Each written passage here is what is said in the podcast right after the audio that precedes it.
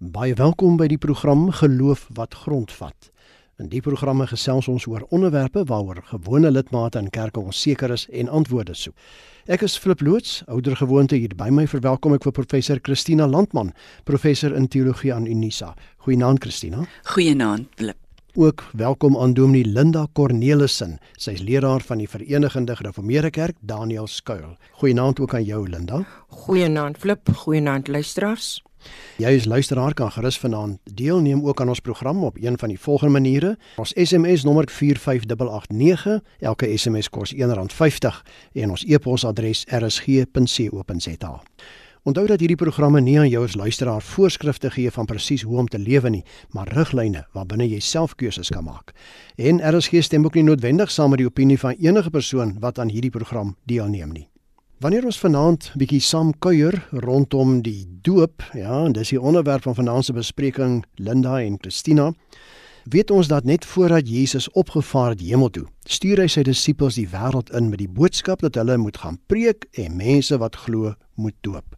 Maar hoe moet nou daai doop gebeur en wie mag dit ontvang? Geloof wat grondvat gesels vanaand hieroor. Christina, daar's min dinge waaroor die verskillende kerklike groeperinge so verskil as juis die doop. Hoe nodig is iets soos die doop in kerke? Wat leer die Bybel hieroor? Met ander woorde, hoekom doop ons? Flip, ek dink in die Nuwe Testament kan ons opgesom sê daar is die doop 'n simbool vir mense wat opgestaan het vir 'n nuwe lewe. So het die eerste Christene dit dan ook gesien, soos Jesus gekruisig en gesterf het en neergedaal het. So daal jy neer in die water en dan staan jy op soos Jesus vir 'n nuwe lewe. Vroeg in die kerkgeskiedenis was daar baie invloedryke teoloë wat gesê het dat die doop is eintlik 'n afwas van jou sonde. Dit het dan ook die begin gewees van die kinderdoop, want daai tyd is baie kinders dood in baie vroeë ouderdom en mense het gaan gewoon geglo dat jy moet gedoop wees, jou sonde moet afgewas wees voordat jy dan hemel toe kan gaan. Daar was ook ander redes hoekom klein doop dan nou ingestel geraak het en dit het te doen gehad met toe die Christendom die staatsgodsdiens geword het. Hier in die 4de eeu, toe is klein en groot en almal is gedoop en dan dit klein doop dan nou amper tipe van 'n standaard geword. Daar is argumente vir en teen die klein doop, die gereformeerdes ons doop maar klein want vir ons is dit die verbond van God wat God met die kind en met die gesin en met die ouers het wat vir ons baie belangrik is. Daar is egter mense wat sê nee, die klein doop gaan eintlik net oor lidmaatskap en oor dokumentering is nou 'n regsdokument wat jy eintlik kry Aan die ander kant van die kinderdoop staan natuurlik nou die groot doop, die geloofsdoop van mense wat glo dat uh, jy eers tot geloof in Christus moet kom voordat jy gedoop word. Christina, as ons dan nou praat oor doop, groot doop of klein doop of watter soort vorm van doop ook al, hoe belangrik is die doop vir 'n mens om in die hemel te kom? Kyk, ons lees mos in die Romeine brief dat mens net op een manier gered word en dis deur geloof jy kan nie met die doop 'n lewe hierna verdien nie. Die doop is eintlik meer van God se kant af na ons toe waar hy dan ons in sy hand vat 'n teken gee, 'n teken aanvaar dat ons 'n verbond met hom het. So nee, ons kan nie met die doop in die hemel kom nie. Ons kan daarmee slegs fees vier dat God ons in sy hand gevat het en saam met ons stap. Ja, vir baie kerke is dit ook so belangrik die doop dat hulle voel dis slegs 'n prediker of 'n leraar wat die doop mag bedien. Hoe korrek is dit? Vel in die gereformeerde tradisie natuurlik sien ons die doop as 'n sakrament en die sakramente wat die doop en die nagmaal kan net deur 'n dominee bedien word. Selfs in die gereformeerde tradisie word dit eintlik betwis want soos ons maar van die doop lees en die manier wat na die doop in die Nuwe Testament verwys word, word dit nou nie altyd deur 'n dominee toegeken nie aangesien nou nie dominees in daai dae was nie of spesiale mense aangewys was om te doop nie. So daar is mense wat sê dat enigiemand kan doop, ons kan mekaar doop, maar dit is nie die tradisie in gebruik nie gereformeerde tradisie nie, ook nie in die Romeinse se tradisie nie en definitief ook nie in die onafhanklike kerke se tradisie nie. Ek weet eintlik van geen kerk waar mense mekaar doop nie. Ek het weer 'n bietjie met die mikrofoon gaan rondstap om te hoor hoe mense buite ons ateljee dink oor die doop en dit was nogal interessant om te hoor wat hulle opinies is. Kom ons luister gou daarna. 'n Baie belangrike sakrament in die Christelike kerk. Ek het in Pinksterkerk groot geword waar ons die doop van gelowiges ondersteun, maar ek dink dat 'n mens moenie vashak by die idee van hoe dit gedoen word nie, maar die geloof in die hele saak is eintlik die belangrikste. Ons het groot geword in 'n kerk waar jy nog klein gedoop word, maar Jesus glo dat hulle eerder groot gedoop moet word nadat hulle bekeer is. Daar's so baie idees en opinies oor die doop. Ek is 83. Vir my lees ek in die Bybel: "Bekeer jou en laat jou doop." Die doop is 'n vereiste wat jy nodig het om in die hemel te kom. Doop is een van die sakramente wat ons ontvang het. In die teologie kan dit of klein doop of groot doop wees. Ek dink ons moet kyk hoe dit begin het met die verbond trek terug na die besnydenis toe van die Ou Testament. En ons moet verstaan dat die Here wys ek is 'n God vir jou en jy sal vir my 'n volk wees. En daar is daai verseëling van daardie verbond begin by die doop. Doop is om alles weg te was. So praat mense buite ons ateljee oor die doop. Interessante opinies daar nie waar nie Linda? Ja, flip definitief interessante opinies.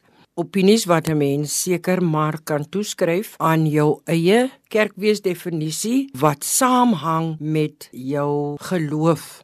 Sou jy jou kerkweesdefinisie sien as charismaat, het jy 'n sekere tradisie waarin jy die doop moet beoefen. Sou jy jou identiteit sien as gereformeerd, het jy 'n sekere tradisie wat jy voorop sal stel. So ja, ons gaan hieroor nog baie hare kloof glo ek as ek weet wat die doop vir my beteken. As ek weet wat die doop veroorsaak in my persoonlike lewe, hoef dit nie vir my nodig te wees om te argumenteer oor klein doop, groot doop, besprinkeling, onderdompeling nie. Christina, hoe voel jy oor wat hierdie mense gesê het? Ek het nie geweet dat mense eintlik nog so sterk oor die doop voel nie. By ons in die gemeente is dit geweldig belangrik nog die doop en die gebruike wat daar rondom gaan. As 'n ma nie getroud is nie, dan word sy nou onder tug geplaas. Dan wanneer sy die kind dan doop na die tug, dan mag die pa van die kind nie bystaan nie. Dan word ek eintlik verwag dat hulle moet trou voordat die kind dan gedoop kan word. Daar's baie gebruike rondom die doop en die mense sien dit nog in steeds in 'n baie ernstige lig en dit kon jy nou ook hoor hoor uit hierdie opmerkings van die mense. Ek lees iewerster van Martin Luther toe hy deur die duiwel aangeval is, sê die geskrifte, was hy so kwaad vir die duiwel dat hy met 'n inkpot gegooi het en toe die woorde gesê het baptismus sum, ek is gedoop, toe hy teruggeval op sy doop as 'n belangrike deel van sy lewe, soos Linda nou nou genoem het. Ja, kyk, veral in die middeleeuse kerk en in die middeleeuse spiritualiteit, is daar baie klem gelê dat met jou doop kry jy die sewe geskenke van die Heilige Gees wat ons van Jesaja 11 vers 2 lees. En dit is geskenke wat jy kry omdat jy gedoop is. Dit is nou wysheid en insig. Kom maar lees daar in Jesaja 11 vers 2. En daai geskenke is iets wat dan onvervreembaar deel word van jou.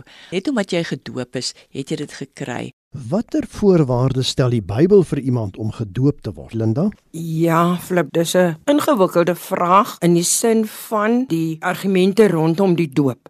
Ek wil van twee tekste gebruik maak. Die eerste een is waar Jesus aan sy disippels die opdrag gee dat hulle moet heen gaan mense disippels maak en hulle moet doop in die naam van die Vader, die Seun en die Heilige Gees. Dit kry ons in Matteus 28 vers 18 tot 20.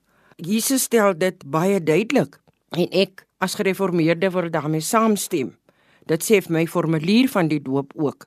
Ons doop nie uit gewoonte uit nie of omdat ons godsdienstige rituele wil hê nie of uitvoer nie. Ons doop omdat dit 'n Bybelse opdrag is om dan 'n Bybelse voorwaarde in die eerste plek daar te stel is jy moet 'n gelowige volgeling van Jesus Christus wees. God moet deur jou erken word as die Vader van die heelal. Die tweede skrifgedeelte waarop ek wil klem lê is Handelinge 2 vers 38 en 39 waar Petrus antwoord toe die baie mense tot bekering gekom het en hulle vir hom vra: "Wat moet ons doen, broers?" En Petrus hulle duidelik die opdrag gee en hy vir hulle sê: "Bekeer julle en laat elkeen van julle gedoop word in die naam van Jesus Christus tot vergifnis van sondes en julle sal die gawe van die Heilige Gees ontvang." Hierdie opdrag leer ons twee dinge. Petrus het nie aan hulle sommer net iets gesê nie, hy het hulle beveel dat hulle gedoop moet word. Dit is dus baie duidelik dat daar vanuit jou verhouding met Jesus Christus 'n voorwaarde is om gedoop te word. Die formulier vir die bediening van die doop aan kinders van gelowige ouers en volwassenes word gedoop by die aflegging van hulle geloof. Marlinda, as ons kyk na die Bybel, hoe was die doop bedien in die vroegste tye en hoe dit ontwikkel tot vandag toe? Van die vroegste tye tot vandag toe het baie dinge rondom die doop verander, baie sieninge het verwissel. Die doop was in die Bybelse tyd bedien aan mense wat tot bekering gekom het in gesinsverband. Met ander woorde, die hele gesin is dan gedoop. Ook waar daar op een spesifieke tydstip baie mense tot bekering gekom het. En hier dink ons veral aan die meer as 3000 mense wat tot bekering gekom het toe Petrus vir hulle preek. Die term wat daar gebruik word het my opgeval. Gesinne is gedoop. Daar word dus nie uitsluitsel gegee of die kindertjies nie gedoop was nie of dit net die volwassenes wat gedoop was nie. In die Nuwe Testament lees ons van plekke waar daar na besprinkeling verwys word wat moeilik op iets anders dui as op die doop. By navorsing het ek ontdek dat argeoloë doopfonte opgegrawe het wat ons van die veronderstelling kan laat uitgaan dat doopelinge tydens die doopbediening binne in die doopfont in die water gestaan het en dat die water dan oor hulle koppe en skouers gesprinkel of gegiet is. Vir eeue is baie belydende Christe tydens die doop met water besprinkel. Aanvanklik was besprinkeling slegs gebruik wanneer 'n persoon siek was. Augustyn, wat in die laat 4de en vroeë 5de eeu na Christus geskryf het, word gekrediteer omdat hy die kinderdoop baie prominent gestel het.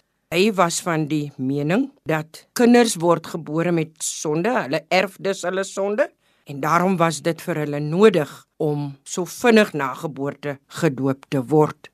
Martin Luther het voortgebou op Augustinus se leerstelling deur te beweer dat die doopeling se doop hom of haar sou verander. Die doop volgens Martin Luther was dan ook die reiniging en die vernuwing wat plaas sou vind wanneer daar 'n doop gebedien sou word. Linda, as jy nou so verwys na Augustinus en Martin Luther wat baie klem gelê het op die doop en dan as dit ware ook dat hulle word in sonde gebore. Nou moet hy deur die doop eintlik skoon gemaak of skoon gewas word. Hoe korrek is dit dan om te beweer dat die doop 'n mens se sonde afwas dis mos maar gewone kraanwater waarmee daar gedoop word. Soos water mens skoon maak as jy vuil is. So maak of was Jesus ons skoon van ons sonde met ander woorde ons vuilheid. Tekste soos Kolossense 2 Handelinge 15 help ons om te glo dat die water ons sondes afwas Verder word water in die Bybel gebruik vir onder andere as beeld van vernuwing. Ons moet daarop let dat die water wat tydens die doop gebruik word, slegs die teken is van 'n groter werklikheid, 'n werklikheid waar ons God se gesag oor ons lewe erken. Die water merk ons en die teken dat ons met Jesus Christus verenig word. Dat ons deel van God se volk is en dat God ons God is. Die water is 'n seël of 'n teken wat na die bloed van Jesus Christus verwys. My mening is dus dat die doop met water slegs 'n teken is van die verbond tussen God en die mens. Die teken het dus verander vanuit die Ou Testamentiese konteks na die Nuwe Testamentiese konteks, maar die betekenis van die teken het dieselfde gebly. Linda, ek wil tog vir jou vra, alhoewel jy dit nou so baie mooi verduidelik het, vind ek baie dat mense wanneer hulle hulle kind doop, dan sê hulle, weet jy ek het 'n bietjie water saamgebring van die Jordaanrivier, dan vra hulle of hulle dit kan gebruik. Wat doen jy wanneer iemand jou dit vra? Christina, vanuit die plek van waar die water kom, sou my denkrigting bepaal. Die Jordaan het 'n sterk Bybelse konteks hierdie sterk Bybelse konteks het die ouers daarop attent gemaak dat ek wil my kind se gedooptheid verdiep met die water wat uit die Jordaanrivier uitkom. Solank dit 'n teken is. So dit maak nou nie saak of dit Jordaanwater is en of dit suidkuswater is of kraanwater nie, dit gaan oor die teken. Jy sal ook in spesifieke onafhanklike tradisies sien dat om mense te doop in seewater 'n spesiale betekenis vir mense het. Nou goed, Linda, wat dan is die betekenis van die doop en sou jy 'n Christen kan wees sonder dat jy gedoop is? Klip ja, by die doop gebeur daar iets met die doopeling Daar gebeur iets met die persone wat die doopeling na die doopfont bring, asook met die gemeente wat toeskouers is van hierdie handeling. Die doop is dan nou as gevolg van hierdie wye implikasie wat dit het. Nie 'n handeling wat uitgevoer kan word uit gewoonte nie, want by die doop is God aan die werk. Die betekenis van die doop kan dus gekoppel word aan dit wat ons ontvang wanneer ons gedoop word. By die doop ontvang ons verskillende gawes. Romeine 6 vers 3 tot 5 sê dat ons tydens die doop een met Christus word. Hebreërs 10 vers 21 tot 24 sê ons ontvang vergifnis van ons sonde. As ek net so ietsie van myself hier kan neersit, toe ek verstand kry het, ek my ma gevra, "Mamma, wat het gebeur toe ek gedoop was? Wat het ek aangegaan? Wie was die dominee wat my gedoop het?" En sy het vir my gesê, "Linda, jy en jou sussie was saam gedoop. Jy het 'n pink satijnrokkie aangetree met swart buitenletter skoentjies. Daai beeltjie van hierdie klein dogtertjie met die pink satijnrokkie en swart buitenletter skoentjies het my voor oë gebly. Dit het my die bevestiging gegee. Iets wat ek in my gedagtes kon aanvashou. My ouma het my vertel dat toe ek gedoop is en dis eintlik al wat ek van my doop weet, ek die enigste dogtertjie tussen 13 seentjies was. Wat ek daarmee moet maak en of ek enigstens iets daarmee moet maak, weet ek nie. Maar ek onthou ek eendag toe ons klein was, het my boetie vir my ma gevra, "Hoekom moet 'n mens nou gedoop word?" En ek hak toe los en ek sê, "Man, dis nou die dag wat jy jou naam kry." En ek onthou my ma was ernstig ontstel daaroor, reg ook. En sy het gesê, "Kom, laat ek vir jou mooi verduidelik waaroor gaan dit nou eintlik in die doop? Die doop gaan oor jou en jou verhouding met liewe Jesus." En dit was 'n baie belangrike gesprek, onthou ek nog. Ja, en die naam word natuurlik deur die ouers gegee en dan word jy geregistreer, nê? Nee? Dit het eintlik Ja. niks met die doop te doen. Linda, deur die loop van die gesprek het daar nou terme soos klein doop en groot doop en gelowige doop en bekeringsdoop na vore gekom. Is al hierdie maniere van doop regtig so belangrik dat mense daaroor moet stry? Dit is baie belangrik dat ons vir mekaar moet sê dat dit by die doop nie oor die mens gaan nie, maar oor God wat sy liefde aan sonder mense openbaar. Die doopteologie is egter nie so 'n eenvoudige saakie, want dit gaan by die doop oor die verhouding wat daar tussen die Ou en die Nuwe Testament is. Die Bybel kan nie net as Ou Testament of as Nuwe Testament gehoorsaam word nie. Elke voorstander van 'n bepaalde doop het egter sy of haar eie mening. So meen die voorstanders van die groot doop dat die groot doop die enigste en ware doop is. Want die Ou Testament is klaar, dis afgehandel, dis verby. Jesus het alles nuut kom maak. Groot doop word dan ook verwys na as die bekeringsdoop. Dan aan die ander kant, voorstanders van die kinderdoop wil weer dat die Ou Testament en die Nuwe Testament as eenheid gesien word. In die Ou Testament was die besnydenis as merk gebruik om jou te merk dat jy 'n verbondskind van God was. In die Nuwe Testament wil God steeds dat sy kinders gemerk word. En die merk is Jesus Christus, die lam van God wat aan die kruis gesterf het. In die Ou Testament was bloed en besnydenis gebruik as teken vir jou identiteit as verbondskind. En in die Nuwe Testament is Jesus die volmaakte offer. Ek wil net 'n bietjie breër gaan as wat Linda nou gesê het. Ek dink aan die een kant is dit belangrik dat dominees moet weet dat simboliek is belangrik. Jy kry in kerke waar die dominee trek nou nie meer eintlik 'n toga aan nie, hy trek ook nie spesiale simboliese klere aan nie. Simboliek word eintlik afgewater want hulle sê hulle wil die dominee wil nou nader aan die mense kom. Dis eintlik regtig nie 'n baie goeie plan nie want die mense wil nie naby aan die dominee kom nie. Hulle wil 'n simboliese figuur daar hê en hulle wil waarde heg aan hierdie simbole. Ek sou egter nie en ek hoop nie dis wat jy bedoel het nie en ek dink ook nie so nie dat die doop 'n teken van uitsluiting sal word nie. Die doop kenmerk ons ja inderdaad gee ons 'n identiteit. Mense wil hê die doop moet 'n positiewe simbool wees en nie een wat ander uitsluit of ander kenmerk en jouself dan 'n soort van van hulle weerhou nie. Kom ons kyk so 'n bietjie vinnig na van die SMS'e wat ek hier voor my het. Ons tydjie loop uit kollegas. Dit is Gerrit van Stellenbosch wat sê: "Hoekom soveel klem op die doopplaas? Dis maar net 'n tradisie." Wat sê Jolanda?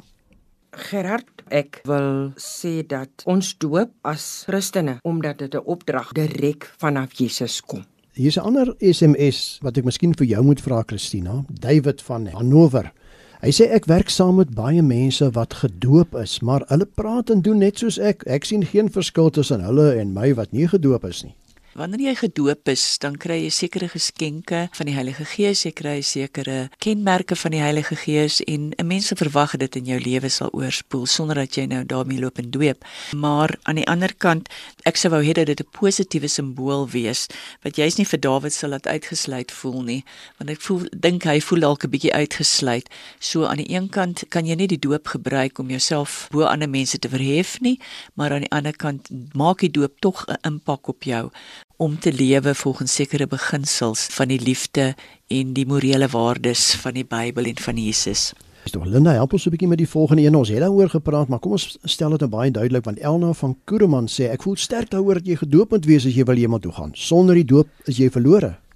Ek wil twee tekste aanhaal, twee voorvalle waar dit duidelik blyk dat gedoopdheid nie jou hemelwoning verseker nie toe Jesus aan die kruis gehang het, het hy vir die moordenaar toe die moordenaar hom vra, dink tog aan my wanneer u in die paradys kom. Het Jesus hom nie teruggestuur of gesê jy moet nou vra dat iemand jou afhaal sodat jy gedoop kan word nie. Jesus het onmiddellik vir hom gesê, "Vandag sal jy saam met my in die paradys gaan." By die verhaal van die ryk jong man, toe hy vir Jesus vra, "Wat moet ek doen?" Toe sê Jesus hy vir hom gaan doop jou, sorg dat jy dit en dat in plek kry en Jesus het vir hom gesê, gaan verkoop alles. Met ander woorde gaan stroop jou van dit wat van jou op die aarde verwag word en kom agter my aan. Mens word gered net deur jou geloof. 'n Laaste SMS Christina Denver van Belwel sê ek is as kind gedoop en wil my weer laat doop nou dat ek verstaan waaroor dit gaan. Is ek verkeerd?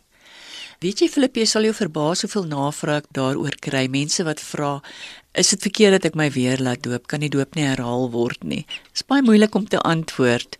Al sou jou persoonlike mening wees dat die doop herhaal kan word, sal die kerk in 'n gereformeerde tradisie dit nie toelaat nie en jou ongelukkig onder tug plaas. Nou ja, kollegas, die tyd het aangebreek. Ons gaan moet groet net so vinnig as elkeen van julle in 'n paar sekondes vir my sê hoe akkommoderend of nie behoort 'n saak soos die doop deur die kerk hanteer te word. Christina? Ek wil maar net weer sê ek, ek vind dat dit 'n positiewe simbool moet wees wat mense nie uitsluit nie, maar wat jou tog in 'n sekere mate telkens herinner dat jy in God se hand is en dat hy beloof het dat jy nie daaruit sal val nie. Mm -hmm. Linda? Ek wil saamstem dat jy tot die besef moet kom dat my doop my deel maak van God se volk en wanneer ek die doop ontvang het, maak my nie nie deel van God nie of ek 'n kind was en of ek groot was of ek onderdompel was of ek besprinkel was dit verander niks aan die belofte dat ek aan God behoort nie Nou ja, hiermee dan al in vanaand se geloof wat grondvat. Baie dankie vir die saamkuier. Dankie ook aan my twee gaste, professor Christina Landman en dominee Linda Cornelissen. Christina, Linda, as ons luisteraars julle wil kontak, hoe moet hulle dit maak, Christina? Hulle kan my gerus op SMS of WhatsApp kontak op 0823772574. Asseblief nie vir my moeilike vrae 3 minute voor 2 in die oggend vra nie. En Linda? Afloop hulle kan my skakel met 'n SMS of WhatsApp of ja, selfs bel ook by 0843018209. En my kontakinligting is flip by mediafocus.co.za. Tot volgende keer. Totsiens.